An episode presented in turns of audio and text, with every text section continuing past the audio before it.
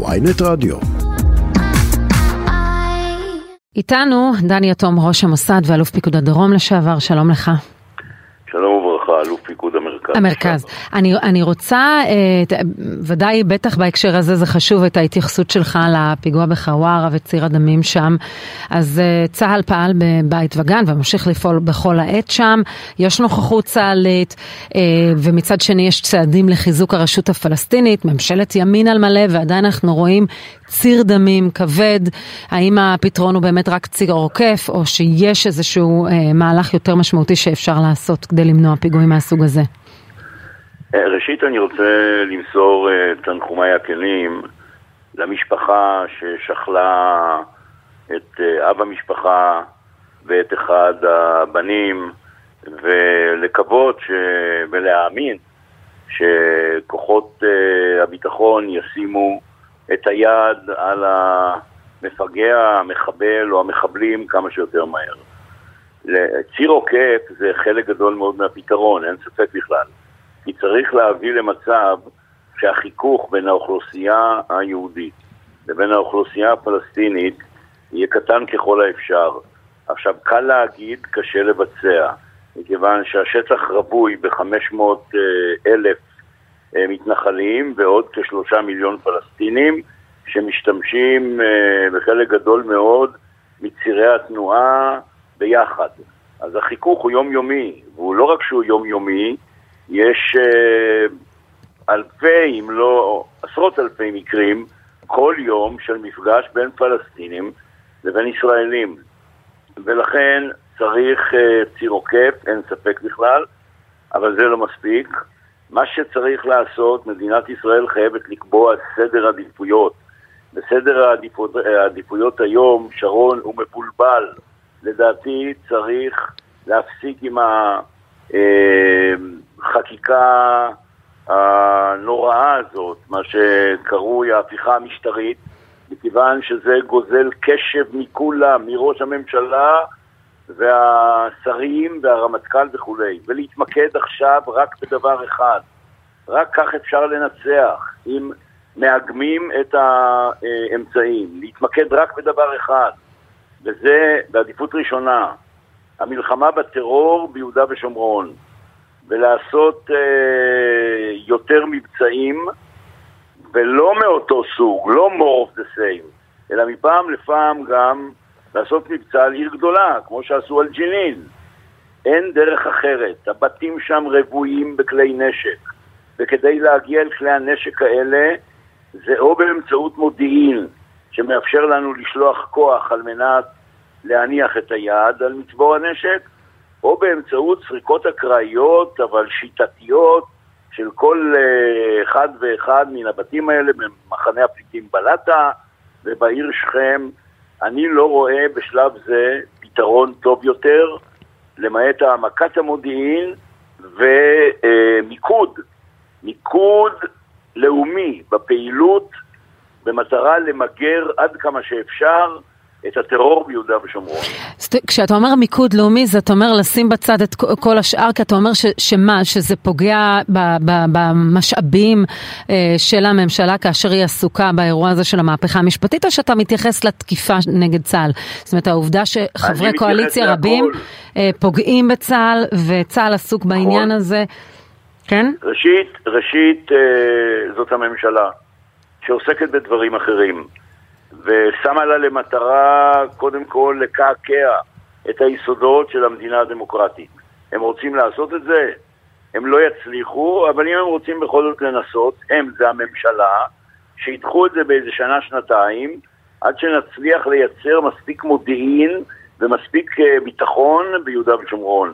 הדבר הנוסף זה הידיעות על כך שהחברה הישראלית מתפוררת. כל זה גם זה קשור הרי להפיכה המשטרית. הידיעות על כך שצה"ל לא בכשירות ולא בכוננות. גם זה כתוצאה מההפיכה המשטרית. הידיעות על כך, או האינפורמציה על כך, שיש שר בשם בן גביר, שעושה מה שבא לו, כאוות נפשו, ביהודה ושומרון, ומפר את האיזון המאוד מאוד עדין, שנתפר בתפרים מאוד מאוד עדינים.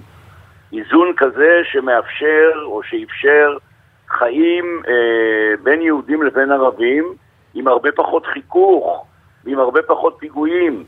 לא, אנחנו ראינו את הממשלה הקודמת, מה שנקרא ממשלת השינוי, מתמודדת עם כמות פיגועים גדולה מאוד. גם.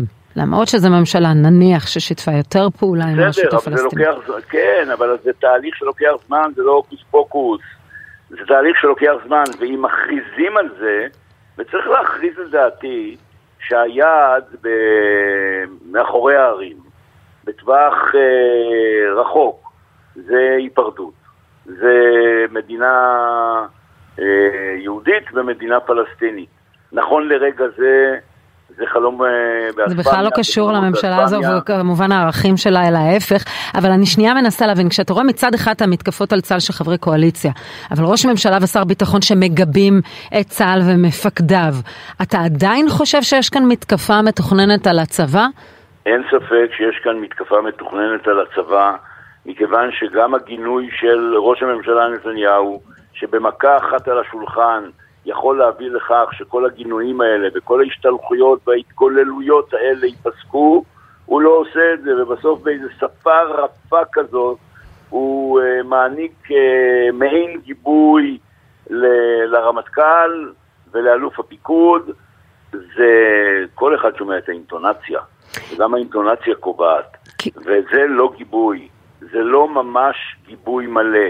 ויתרה מזו, מתפרסמות גם ידיעות הפוכות, כאילו הייתה שיחת טלפון נזיפתית מאוד קשה בין ראש הממשלה לבין הרמטכ"ל ומפקד חיל האוויר, אז למי להאמין?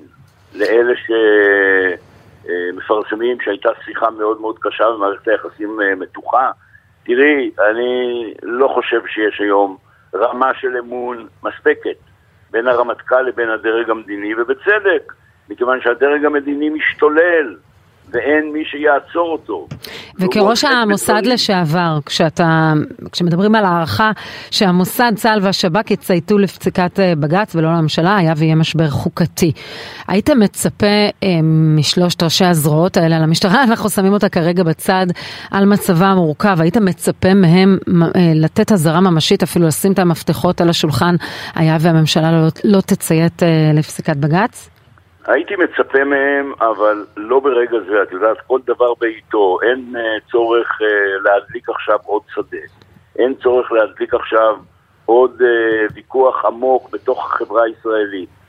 לכל דבר... אבל כשהם רואים מה קורה לצה"ל, הם רואים את המתקפות נגד הרמטכ"ל, הם לא צריכים... נכון, אז צריך, אז אני אומר לך, רואים את המתקפות נגד הרמטכ"ל, כן. זה מעודד פיגועים.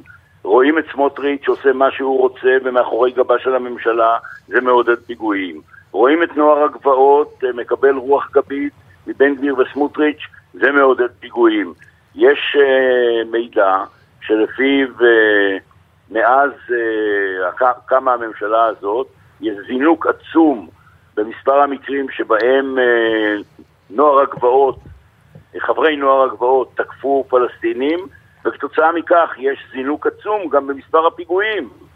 אין ספק שמדינת ישראל נכשלה. אבל השאלה אם ראשי זרועות הביטחון אה, צריכים להתייצב לצד הרמטכ"ל.